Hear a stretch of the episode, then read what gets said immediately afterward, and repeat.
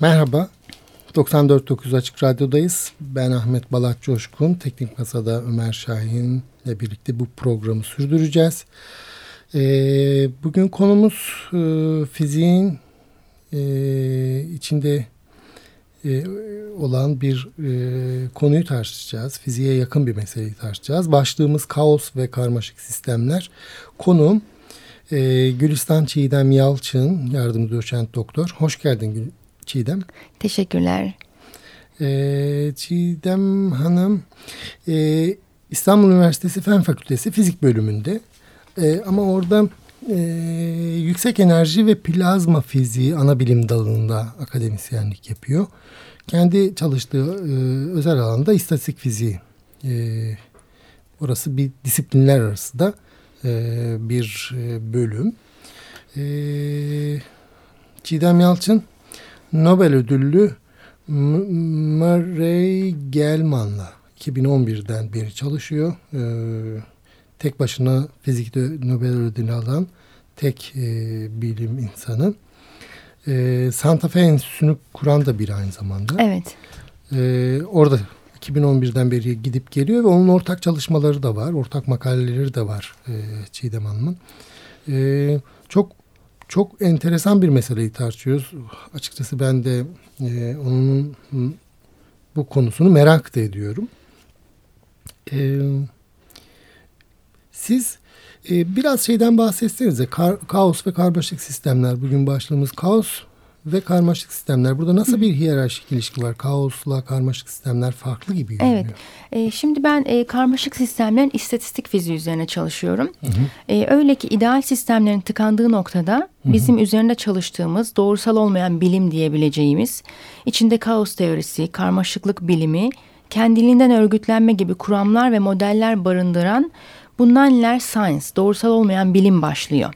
Hı hı. Öyle ki kozmolojik olaylardan mikro dünyaya, sosyal sistemlere, sağlık bilimlerine, ekonomiye, iklime kadar e, birçok disiplinde konuşabilen bu bilim için bazıları yeni fizik diyor, bazıları postmodern bilim diyor hı hı. ve daha çok da geleceğin bilimi olarak ifade ediliyor. Hı hı. E, öyle ki e, sizin de bahsettiğiniz gibi Mörgelman'la e, çalışıyorum ve kendisinin bu konuda e, şöyle bir sözü var. Der ki eğer artık bir Einstein, bir Newton gelecekse bu ancak bu bilimdeki araştırmalarla e, olacaktır der.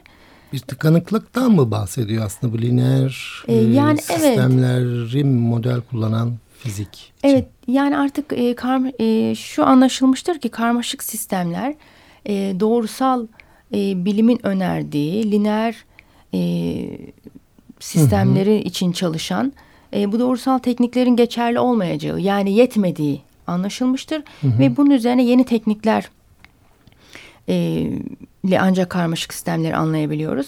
E, kendisi e, Murray Gell-Mann 1969'da e, fizik Nobel ödülü almıştır bireysel başarısıyla ve çok genç yaşında 40 yaşında almıştır. Hangi çalışması? E, bu e, atom altı parçacıkların daha da küçük bileşenlerinden bileşenlerden kuarklardan oluştuğunu söyler ve Father of Quarks olarak anılır. Bunu biraz daha genişletebilir misiniz? Evet. Yani bu atom e, maddenin en küçük parçasıydı. Evet. Daha sonra oradan onun da bölündüğü içinde pozitron evet. değil ee, mi? Böyle parçacıklar tabii, var. İşte Hı. kuarkları bulduktan sonra aslında e, Gelman'ın e, tek başına böyle ödülü almasının sebeplerinden biri de bu çalışmanın bir köşe taşı olmasıdır. Tabii ki e, çok değerli çalışmalar Nobel ödülü alıyor fakat böyle bir çığır açan artık burada yol açan insanlara bunun üzerine yeni deneyler yapılmasını sağlayan bir alan. Öyle ki mesela bazı kitaplar vardır. E, bilim insanları işte Galileo'dan Gelman'a diye hmm. ifade eder. Gelman da e, bunu bu noktaya getirir. Böyle bir hoş olmayan şey de onunla ilişkili mi bu Gelman'la ilişkin? Mesela hmm, Nasıl? atom bombası da onun sayesinde icat edildi ha, diyebilir miyiz? Yok. Hmm. E, şimdi atom zaten o çok daha önceki zamanlar ama e, atom bombası Los Alamos laboratuvarındaki e, Manhattan projesinin bir parçasıdır. E, hatta e, 1984 yılında Gelman e, Kaliforniya Teknoloji Enstitüsü'nden ayrılır ve Santa Fe Enstitüsü'nü kurar. O sırada da Los Alamos Laboratuvarı'ndan birkaç bilim adamıyla bu enstitüyü kurarlar. Amaç hmm. e, bu karmaşık sistemler üzerindeki çalışmaları e, burada devam ettirmek ve karmaşıklık teorisini disiplinler arası bir kavram olarak yaymak, bütün dünyaya yaymak. Hmm. O yüzden bu enstitü çok e, büyük önem taşıyor bu anlamda. New Mexico'da değil mi? Evet, evet New Mexico'da. Ee, nerede o? Bu şeyde e, bu Colorado'nun altında diyebiliriz hmm. işte. Bir eyalet Meksika, Evet Amerika. New Mexico eyaleti. Evet. Meksika hmm. sınırında. E, mesela Los Alamos laboratuvarı bu atom bombasının yapıldığı laboratuvar e, için o zamanlar tabii adresi gizli o laboratuvarında ve hı bunun için işte belirli bir koordinat araştırılırken bazı kriterlere bakıyorlar. Diyorlar ki işte popülasyondan şu kadar uzak olsun, e, sınırlardan bu kadar uzak olsun gibi böyle bir adres seçiliyor. Önceleri gizli bir adres. E, daha sonra Santa Fe'de tabii bu bölgede olduğu için e, gidip gelmesi de oldukça zor bir yerde. E, Albuquerque şehrin Albuquerque'ye yakın. Hı hı. E, bu Santa Fe üstünde sadece fizikçiler de yok. E, matematik, matematikçiler var, biyologlar var, ekonomistler, sosyologlar, antropologlar. Böyle bir disiplinler arası çalışmanın yapıldığı bir merkez. E, yani çok ilginç bu söylediğiniz. Yani bir e, post, bayağı sıkı bir pozitif bilimlerde. Evet. E, bir sürü hani sosyal disiplinlerde. bir arada, evet. E, pozitif olmayan bilimler yan yana. Bunları yani burada nasıl bir şeyle yan yana yani ne, ne düşünülerek yani bu kaos değil mi? Kaos kavranılmasını daha iyi kavramak için evet. bu disiplinleri de yan yana getiriyor. Evet çünkü doğru e, mu söylüyorum bilmiyorum ama. Evet şöyle ki Hı. şimdi karmaşık sistemlerde biz e, bütün disiplinlerde e, bir karşılaşabiliyoruz. E, yani mesela karmaşıklık kelimesi bir zamanlar sadece birbirine bağlı birçok parçadan oluşan, diyelim ki nesneleri açıklayan sıradan bir tanımken, şimdi birçok dalı olan bilimsel bir alanı ifade ediyor. Ve e, örneğin basit bir örnek olarak işte tropikal yağmur ormanlarını düşünelim karmaşık bir sistem için. Hı hı. Bir yağmur ormanında sonsuz sayıda yani sayılamayacak kadar çok sayıda tür çeşitliliği var. Öyle ki aynı türdeki ikinci bir ağacı görmek için belki e, onlarca adım atacağız. Hı hı. Fakat aynı ağaca denk gelemeyeceğiz. Bir ağacı bile düşündüğümüzde üzerinde e, binden fazla ve birden fark ve birbirinden farklı böcek türünü barındırıyor ve bunların hmm. arasındaki ilişkiler. Yani mesela örneğin bu, bu da bir karmaşık sistem için bir örnek. Yani doğada Mesela e, karmaşık mı sistem mi diyeceğiz, kaos mu diyeceğiz? Buna karmaşık sistem diyeceğiz. Hı. Ee, kaos için bir örnek verebilir misiniz? Ya onu mesela e, kaosu şöyle diyebiliriz. Kaotik davranış Kaotik davranış karmaşık sistemlerin sergilediği davranışlardan biri. Ee, Başkaları da var. Tabii başkaları da var. Ee, bunun için örneğin e, kendiliğinden örgütlenme bir diğeri. Karmaşık sistemler kendiliğinden örgütlenme özelliği de gösteriyorlar. Ee, daha sonra bazı başka özellikler Bu sosyolojik şeyler içinde mesela hani çok size sizin kafanızda da bir hı hı. resim çizer mi? Mesela gezi de kendiliğinden örgütlenme midir? Yani mesela kendiliğinden örgütlenmeye ben gözümüzde canlandırmak için örneğin kuş sürülerini düşünebiliriz. Hmm. Kuş sürüleri, balık sürüleri hmm. en kolayca hemen düşünebileceğimiz. Burada bir kolektif behavior, toplu davranış var. E, bunun özelliklerine bakarsak çok sayıda elemandan oluşur. Bu önemli. E, çoklu etkileşimler var. Bu etkileşimler öngörülemeyen etkileşimler. E, merkezi yok bu davranışların. E, dirençli bir yapı gösteriyor ve e, hayatta kalabiliyor. Yani gerçekten de bir kuş sürüsünü düşündüğünüzde hareketlerinin, davranışlarını bu özelliklerin Onlar hepsi... kendiliğinden mi bir araya geliyor? Evet, kendiliğinden. Yani e, bir lider yok. Yine bir özelliklerinden biri. Peki e, mesela doğa bilimciler ya da biyologlar bu yan yana geliş için zorunluluklar söyleyebilir. İşte ne bileyim daha büyük görünürler ve hı hı falan. Yani mesela e, şey arılarla e, karıncalarla ilgili yapılan çalışmalarda bazı kimyasal e, bağlantılar bulunmuş dediğiniz gibi. Hı hı. Ama kuş ve balık sürüsü için e, böyle bir şey yok. Yani işte arıların e, gittiği yerlere ya da karıncaların gittiği Peki, yerlere. Mesela bunlar, Hı -hı. bu kaosun e, şeylerinden biri değil mi? Mesela kendiliğinden bir araya gelme, e, kendiliğinden örgütlenme. Hı -hı. Peki bu, bu buna ne diyeceğiz? Zaten doğası böyle. Evet, evet. Yani, yani anlamaya çalış. Yani orada şey bağlantılar, lineer bakışlarla, doğrusal bilgiyle e, düşünmeye başlayıp Hı. bağlantılar aramaktan vazgeçmeyi de biraz öneriyor değil mi bize? Yani evet, e, şöyle ki... E, Bunlar zaten bir araya gel, yani kendinden evet. örgütlenecek doğası bu. Evet doğası hmm. gereği zaten karmaşık hmm. sistemlerin tanımında hmm. doğası gereği e, elemanların kaotik ilişkileri var hmm. ve bu kaotik ilişkileri de biz doğrusal e, teknikler anlayamıyoruz. Bu nedenle de modellenmesi zor. Hmm. Yani herhangi bir matematik yetersizliği, herhangi bir deneyin işte farklı sonuç vermesi diyelim. E, deney sonuçlarıyla çalışıyoruz ya da gözlem işte kayıtları hmm. alıyoruz. Bunların işte e, bize doğrusal sonuçlar vermemesi ya da elimizdeki tekniklerle çözülmemesi o sistemin bozuk olduğu Bunu anlamına diyorsun. gelmiyor. Onun hmm. doğasının e, davranışını. Peki şeyden va bir vazgeçiş diyebilir miyiz? Neden sonuç e, ilişkisi yani e, kuşlar bir araya geliyorsa bunun bir sebebi vardır. Demekten biraz da vazgeçme mi bu karmaşık Aslında, sistem? Yani vazgeçme değil de e, doğasını anlamak için belki e, farklı şeyler arama yani bundan dolayı arayışlar ortaya çıkıyor ve e, mesela yine bu e, elemanlar arası ilişkiler için yapılan deneylerden biri e, kum yığını. İşte hmm. şöyle ki kum tanecikleriyle e, bir e, işte koni şeklinde bir şey yapıyorsunuz. Bir yığın yapıyorsunuz. E, hmm. Burada kum tanecikleri yüzeyden aşağı inerken e, bunlara çığ deniyor. Belli bir işte aktivite oluşturuyor. Hı hı. E, mesela işte Pörbak ve arkadaşları 87 yılında bu kum taneciklerinin çığların belli bir e, işte kuvvet yasasına uyduğunu söyler. E, burada mesela bu e, örnekte öne çıkan şey aslında faz geçişi işte katının sıvıya sıvının gaza geçişi gibi bir faz geçişi düşünelim. Hı hı. Fakat bu kum yığınında faz geçişi bir katman çökmesi. Kum tanecikleri geliyor ve ne zaman çökecek? Hmm. İşte bu da bir kritik durumu oluşturuyor. Bir kritik durum oluştuğunda o sistemin kritik durumu çökme olacak. Fakat bu çökmeye de işte sistemin kendisi karar veriyor. Yani sistemin kendisi karmaşık, doğası gereği e, kendi kararlarını veriyor. Biz ancak onu e, izleyebiliyoruz. Yani öngörü çok sınırlı hmm. e, bu sistemlerde. E, ancak işte yeni tekniklerle e, anlamaya, modellemeye çalışıyoruz. Ee, Peki lineer, lineer doğrusal e, olsa size bayağı bir gelecek öngörüsünde bulunabiliriz. Tabii. Mesela, öneriyor evet, zaten. Evet evet. Mesela benim çok hemen kolayca en çok verdiğim tipik bir örnek bir bardak sıcak çayımızın işte hı hı. bir başlangıç şu an işte o bunun bir sıcaklığını ölçsek yaklaşık olarak ölçsek e, belli bir süre içinde bunun e, davranışlarını hesaplayabiliriz. İşte Newton soğuma prensibi var. Orada işte gerekli e, parametreleri yerine yazarız, hesabımızı yaparız. E, hangi aralıkta, hangi zaman içinde nasıl sıcaklığı değişmiş. İşte e, böyle bir sistemde, böyle doğrusal bir sistemi bir defa anlayabiliyoruz, çözebiliyoruz, öngörebiliyoruz. Öngörmek önemli. Hı hı. Yani modellemin amacı hep öngörmek. Hı hı.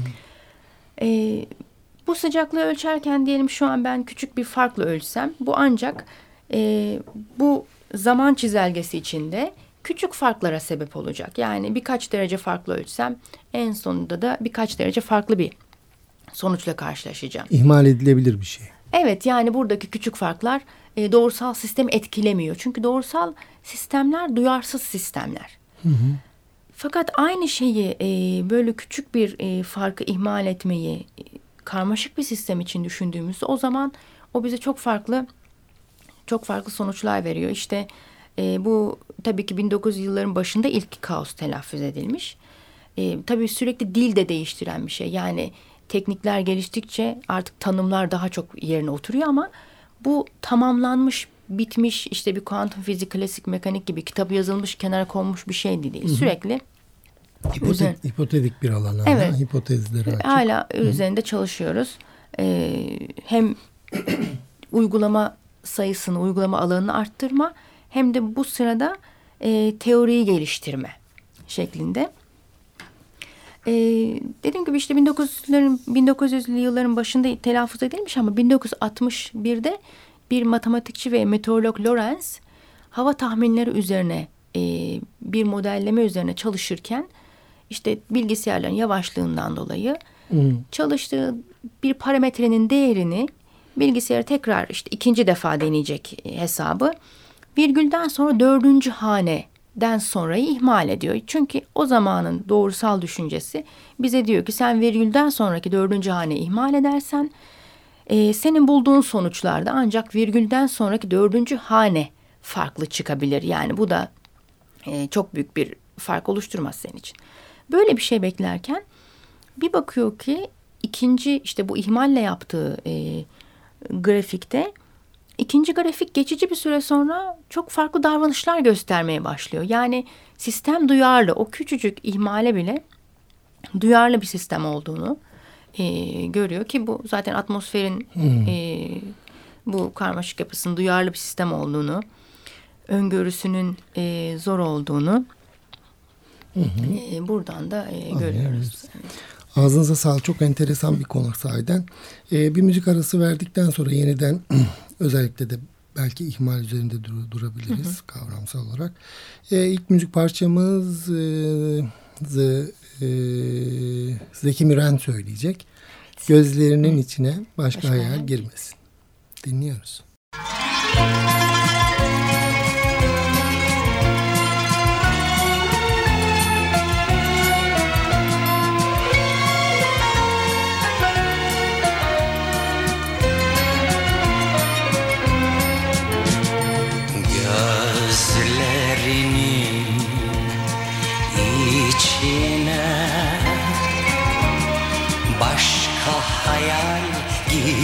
girmesin Gözlerinin içine. Başka hayal girmesin. Bana ait çizgiler. Dikkat et silinmesin bana ait çizgiler. Dikkat et silinmesin. İstersen yum gözlerini. Tıpkı düşünür gibi. Benden evvel başkası sakın seni görmesin. Benden evvel başkası Seni görüp sevmesin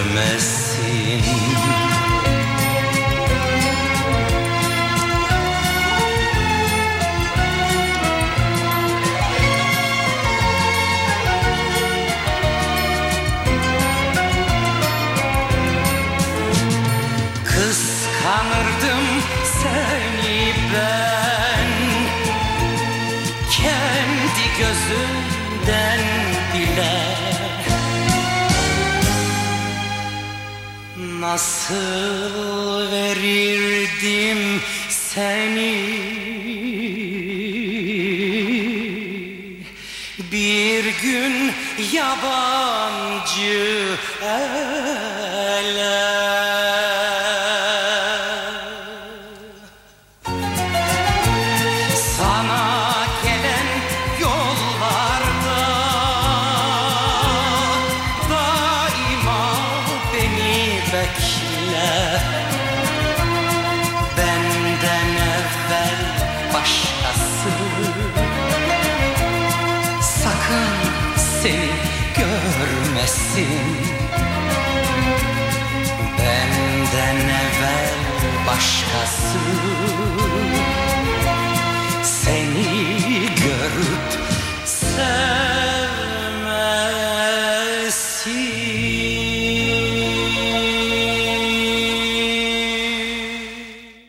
Tekrar merhaba. 94.9 Açık Radyo'dayız. Anlatıdaki Hakikat programı devam ediyor. Ben Ahmet Balat Coşkun ve konuğum Çiğdem Yalçın. Ee, en son ihmal e, üzerinde durmuştuk. Aslında tam da kafamda henüz oluşmadı ama ihmali bizde nörolojik bir e, hastalık seyrinde şöyle bir şey olur. İşte bir beyin kanaması geç geçirir ya da beyin tıkanıklığı e, geçirir. Özellikle de ka- ka- kanamalarda yani beyin içi kanamalarda bir kitle etkisi oluşur. O kitle etkisinin oradaki damar e, orayı besleyen damar sistemine baskı yapar ve bir, bir bölüm daha yavaş çalışmaya başlar. E, ancak o böyle kendini toparlamaya başladığında o arada da felç geçirir. Yani vücudun bazı yerleri e, ne hareket ettiremez.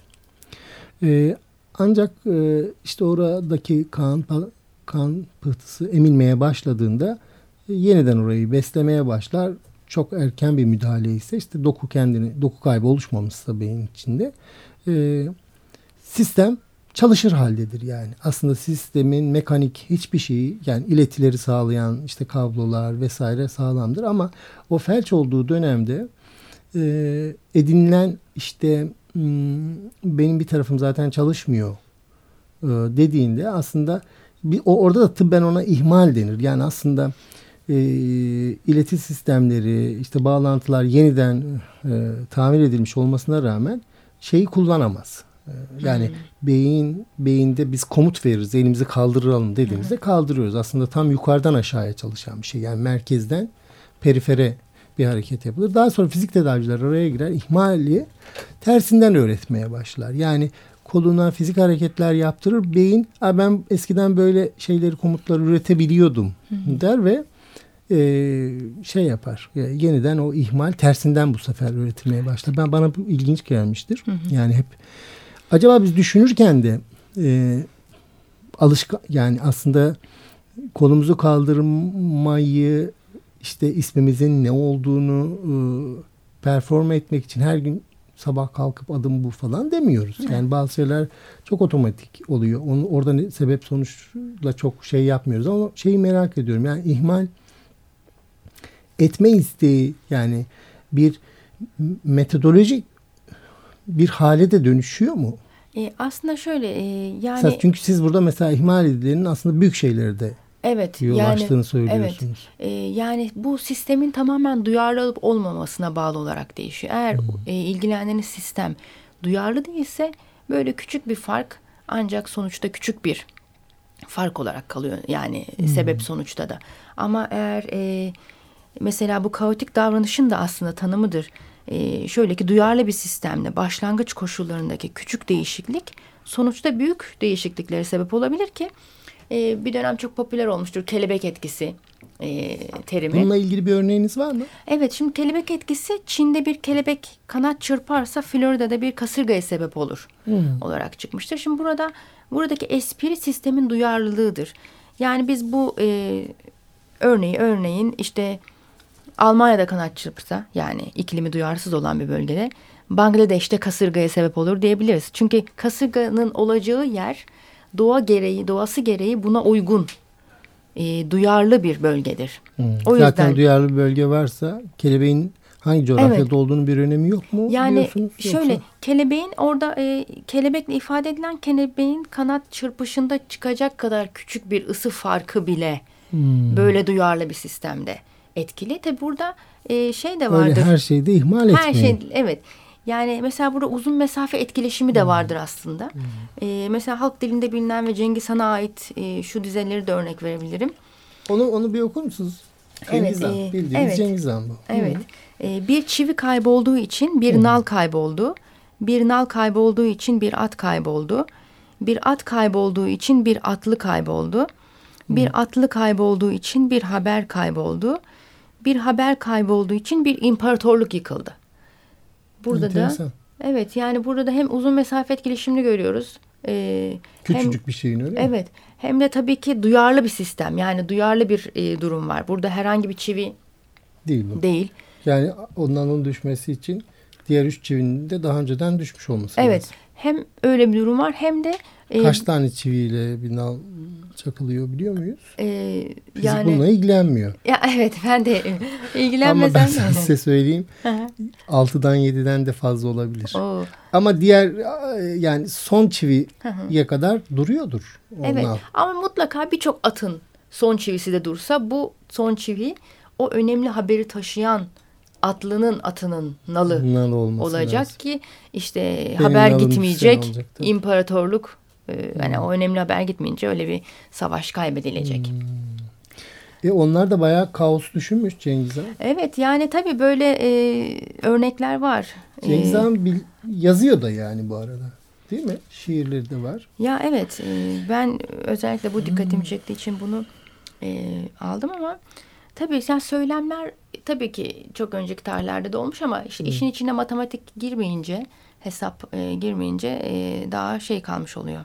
Peki mesela e, şimdi bir dis, tabii burada metinler arası ya da dis, metinler arası bence. Şimdi sizin de bir kaosla ilgili metniniz oluşmaya başladı.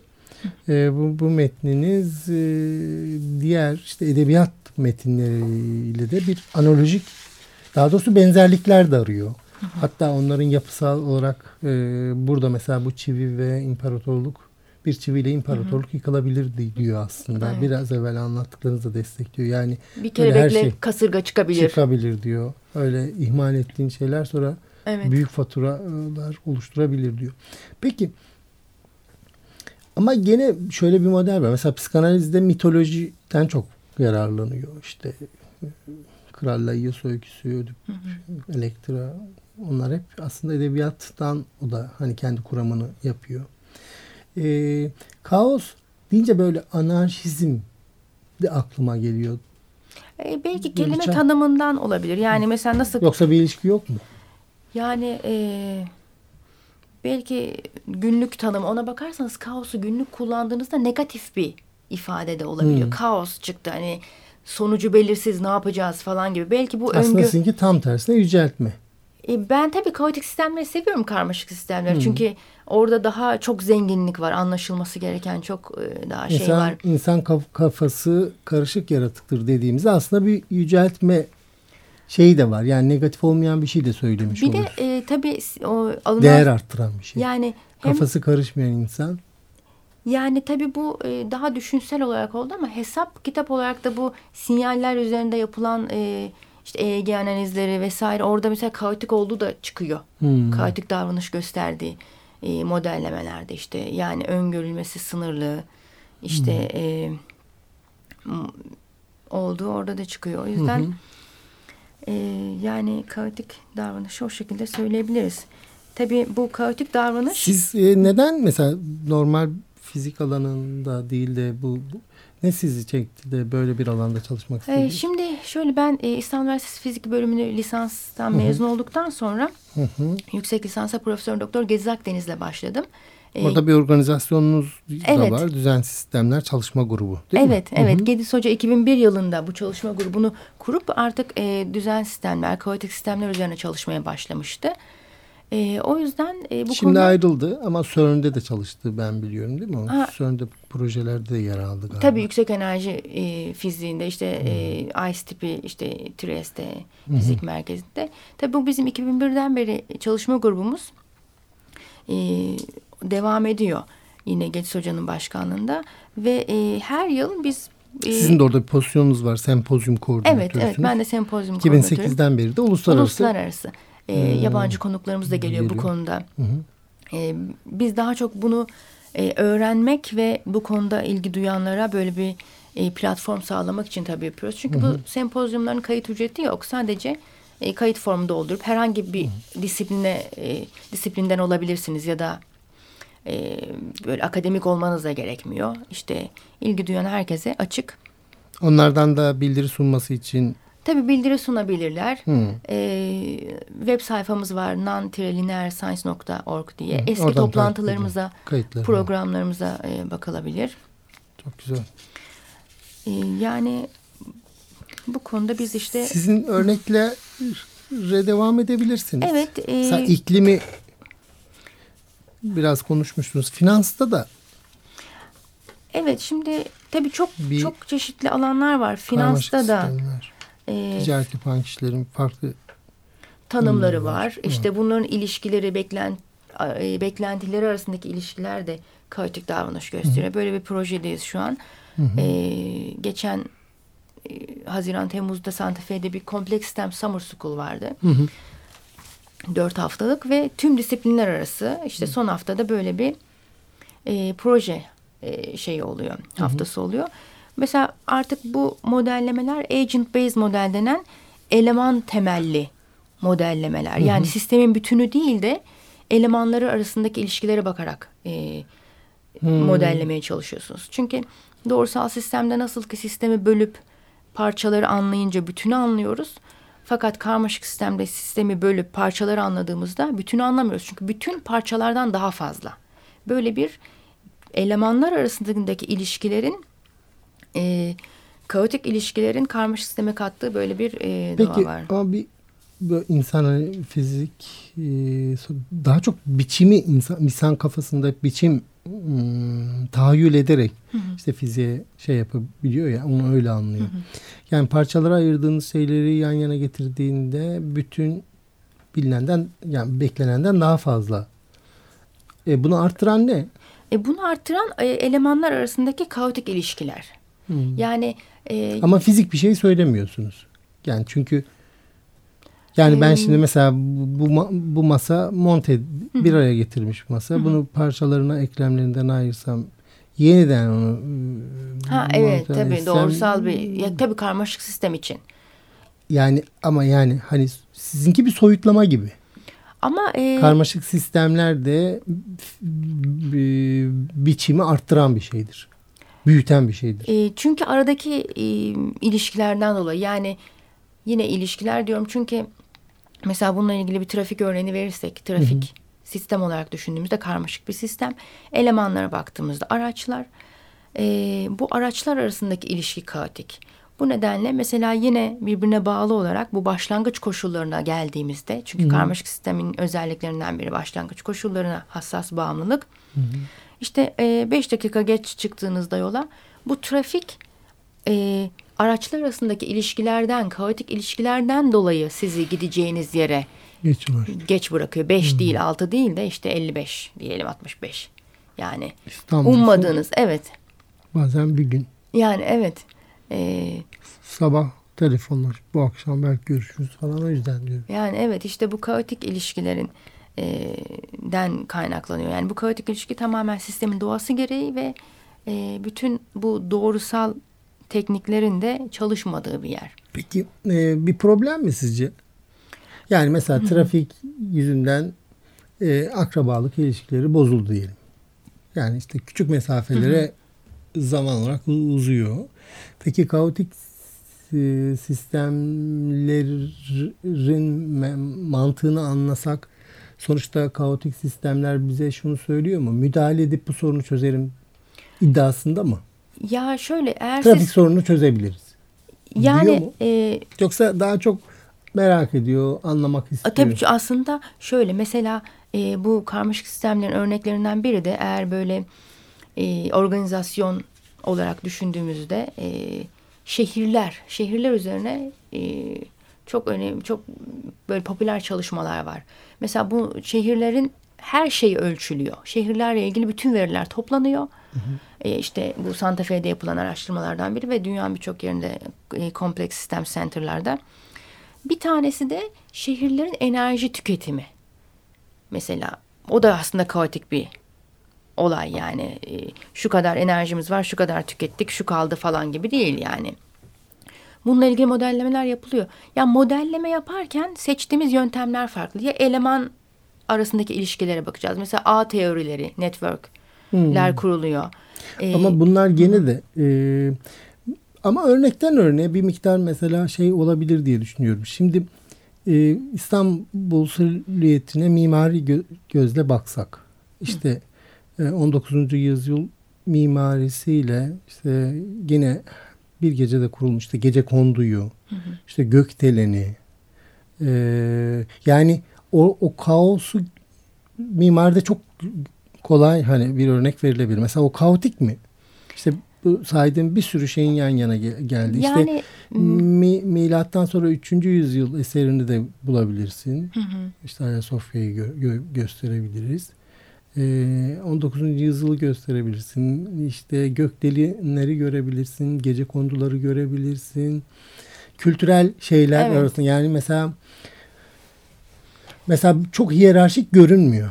Peki bu buna kendiliğen kendiliğinden e, örgütlenme diye, Diye- belki diyemeyiz bunu. diyemeyiz. Evet çünkü kendimiz Yani- oraya o inşaatı yapmayı seçmişiz onu. Yani çünkü hem hassas duyarlı olacak hem e, aralarında ilişki olacak bunların arasında. Hı hı.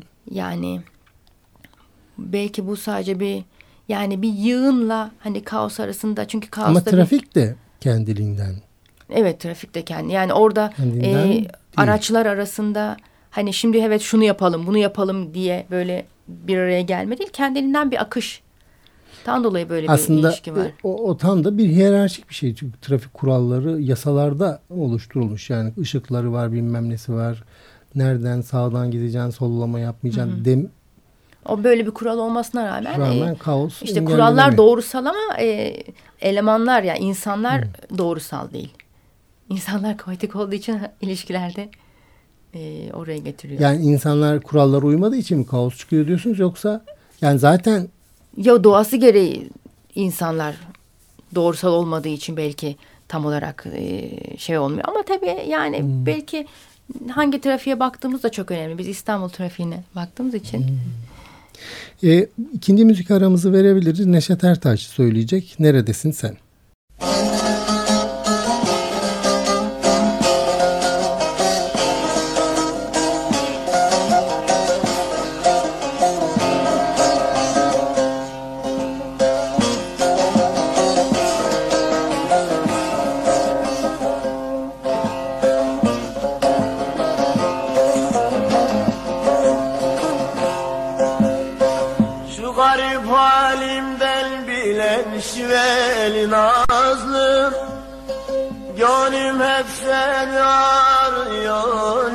Neredesin sen?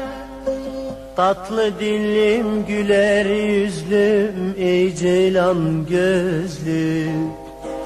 Gönlüm hep seni arıyor. Neredesin sen?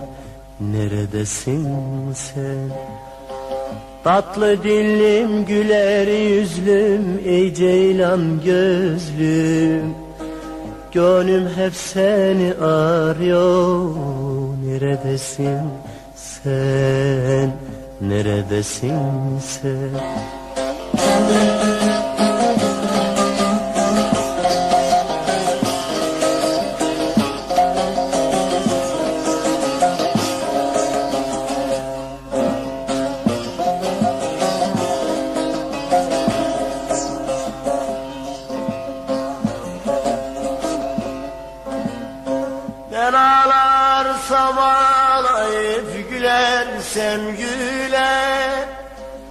Bütün dertlerimi anlayıp gönlümü biler.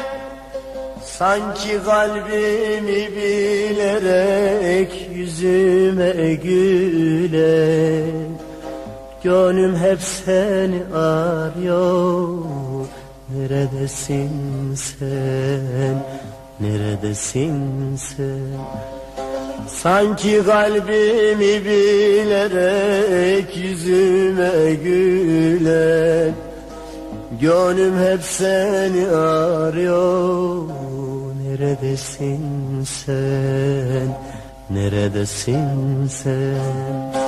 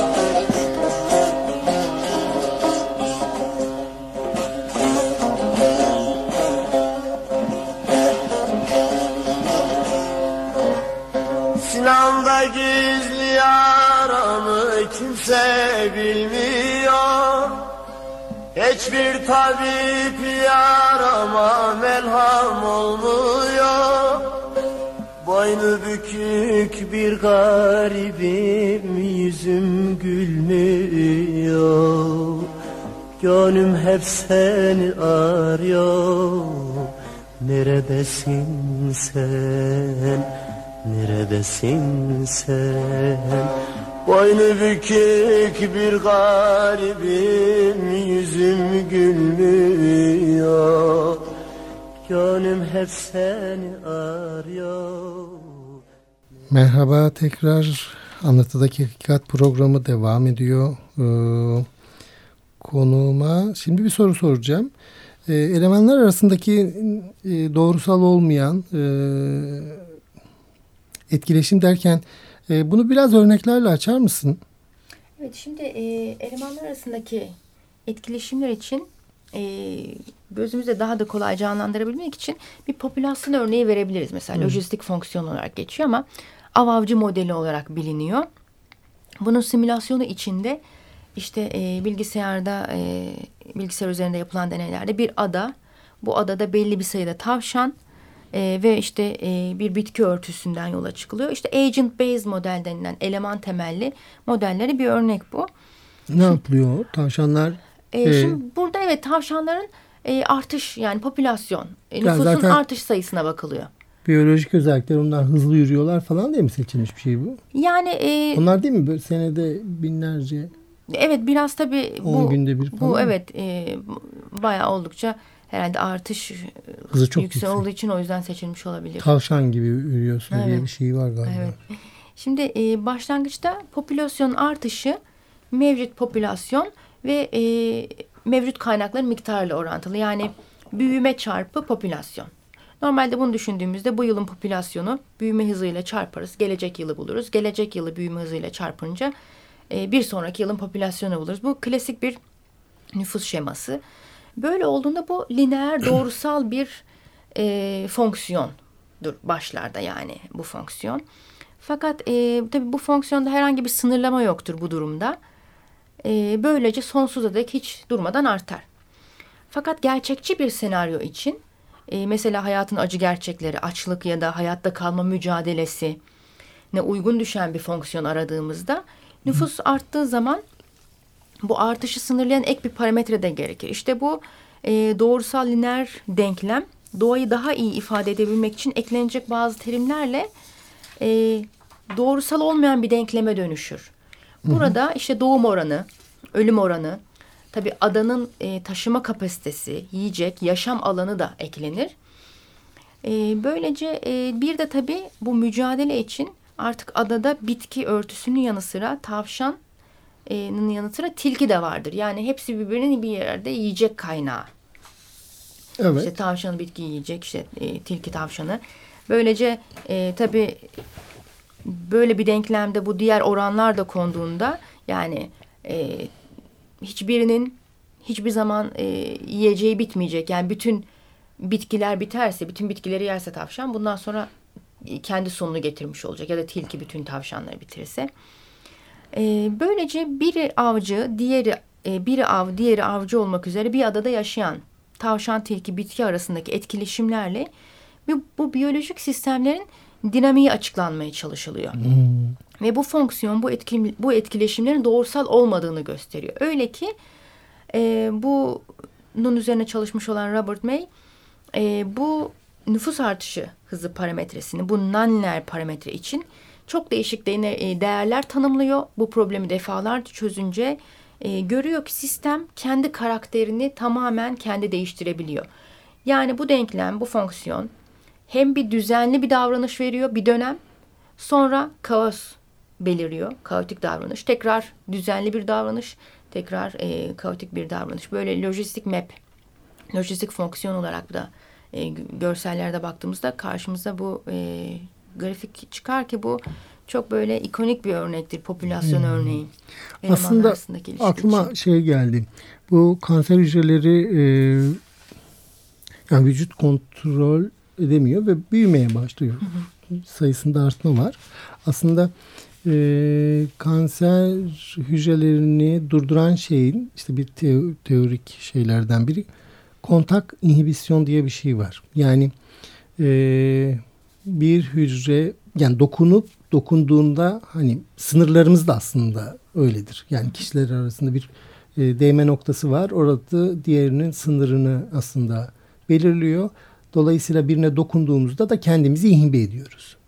Yani dokunduğumuzda işte bu bunu bu özelliğini kaybeden hücreler kontak inhibisyon özelliğini kaybeden hücreler daha sonra diğerinin alanına invaze oluyor. Orayı istila ediyor ve sadece insan işte bir kanser yığınına dönüşebiliyor. Bu işte ot otu bitirirse kendi sonu hı hı. geliyor. İşte şeyi e, tavşanı Tavşan. bitirirse kendi sonu geliyor. Aslında tam da nereye kadar yemesi gerektiğini, hı. nereye kadar tükenmesi gerektiğini bu kontak inhibisyonla düşünürsek eğer e, bir tür yani e, o hassas sistemler dediğiniz e, e, hassasiyet taşıyan evet. alanların aslında bir kontak inhibisyon yaratan özelliği olabilir mi? Yani orada durması lazım. Yani olabilir tabii. Bu da bu aradaki kaotik etkileşimlerden biri olabilir. Hmm. Dediğiniz gibi. Ben tabii bunu e, bu özelliği bilemiyorum ama işte zaten disiplinler arası çalışmanın mesela önemi burada ortaya çıkıyor hmm. karmaşık sistemler. Hmm. Disiplinler arası çalışılan bir alan olduğu için aynı böyle e, ben mesela... Yani dokunduğun, dokunmanın aslında e, dokunmanın aslında böyle erotik işte bilmem ne anlamı var ama dokunma yani bir dokunmanın başladığı yerde aslında inhibe eden de bir şey var. Yani burada duracaksın. Hani yani burada aslında e, nasıl durulacak? Burada ne kadar zaman geçecek? Bunlar belki e, fizik ya da şeyin şeyi olabilir. E, diğerini sınırlayan bir yeri var. Çünkü sizin için e, sistemlerin en önemli özelliklerinden biri de onun duyarlı oluyor evet, olması. Duyarlı. Bu duyarlılığı tabii biraz daha açar mısınız? Mesela duyarlılık ya duyarlılık işte, duyarlı e, hale gelmiş bir alan yoksa oradan bir şey beklemeyeceğiz aslında. Yani e, tamamen bu duyarlılık sistemin doğası gereği. Hani bir süre sonra e, duyarlı olmuş değil de hı hı. E, nasıl ki işte e, Florida'nın iklimi kasırgaya doğası gereği hı.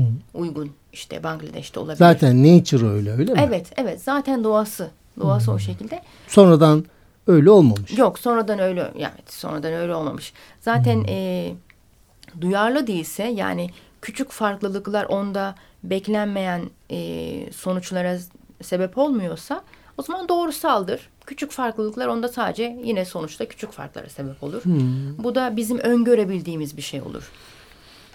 Ee, aslında sizin e, böyle örnekleriniz de var. Evet. Öyle de ilerliyorsunuz.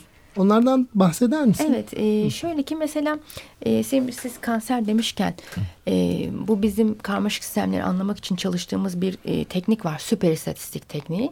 E, Queen Mary Üniversitesi'nden e, Londra'dan Profesör Christian Beck'le çalışıyorum bu konuyu. Mesela bu süper istatistik öyle e, değişik alanlar için çalışan bir teknik ki işte e, türbülanstan tutun e, Londra'daki tren gecikme sürelerine, oradan kanserli hastaların yaşam süreleri istatistiklerine kadar uygulanabilecek, e, gerçek yaşama uygulanabilen bir teknik. Biz bu konuda e, bu tekniği kullanarak örneğin bir iklim örneğimiz var. E, iklim örneğinde işte bir e, Copenhagen iklim sınıflandırma sistemi aldık. E, Kopen 1800'lü yılların sonlarında bu e, bir harita oluşturuyor. Hı hı. Beş ana gruptan e, oluşan iklimi tanımlıyor. Tropikal çöl, Akdeniz, soğuk kutup. Bunların alt grupları var. Hepsinin tanımları var. E, sıcaklık, yağış aralıkları tanımları var. E, biz de bu gruplara uyan e, e, işte bölgelerin datalarını alıp süper istatistik teknikleri uyguladığımızda e, mesela böyle bir iklim modellemesi üzerine çalıştık. E, daha sonra kozmik ışınlar üzerine bir çalışmamız var. Bunların şey sonuçları var mı böyle ilgi, ilgi çeken? Tabii e, şöyle ki hmm. mesela e, iklim için şimdi süper istatistiğin en çok e, bu işte Christian Beck, e, Eddie Cohen'le beraber çok fazla e, sistemi incelemişler doğadan ve üç adet e, en çok karşılaştıkları dağılım var. İşte e, chi-square log normal, e, inverse chi-square diye üç tabi terimsel söylüyorum ama bu üç dağılımdan birine uyması beklenirken iklim çok daha farklı dağılımlar verdi bize.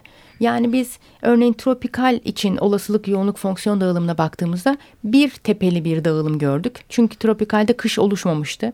Hı hı. Kutupta e, çok az bir yaz e, tepeli bir dağılım ve bir kış dağılımı gördük ve bunlar birbirinden uzaktı.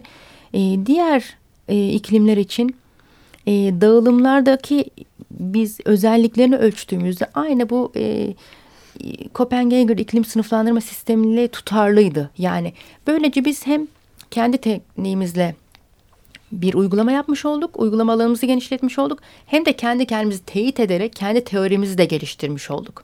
Yani Hmm. Hem sağlama yaptınız. yani hem e, evet çünkü tutarlı sonuçlarla Hmm.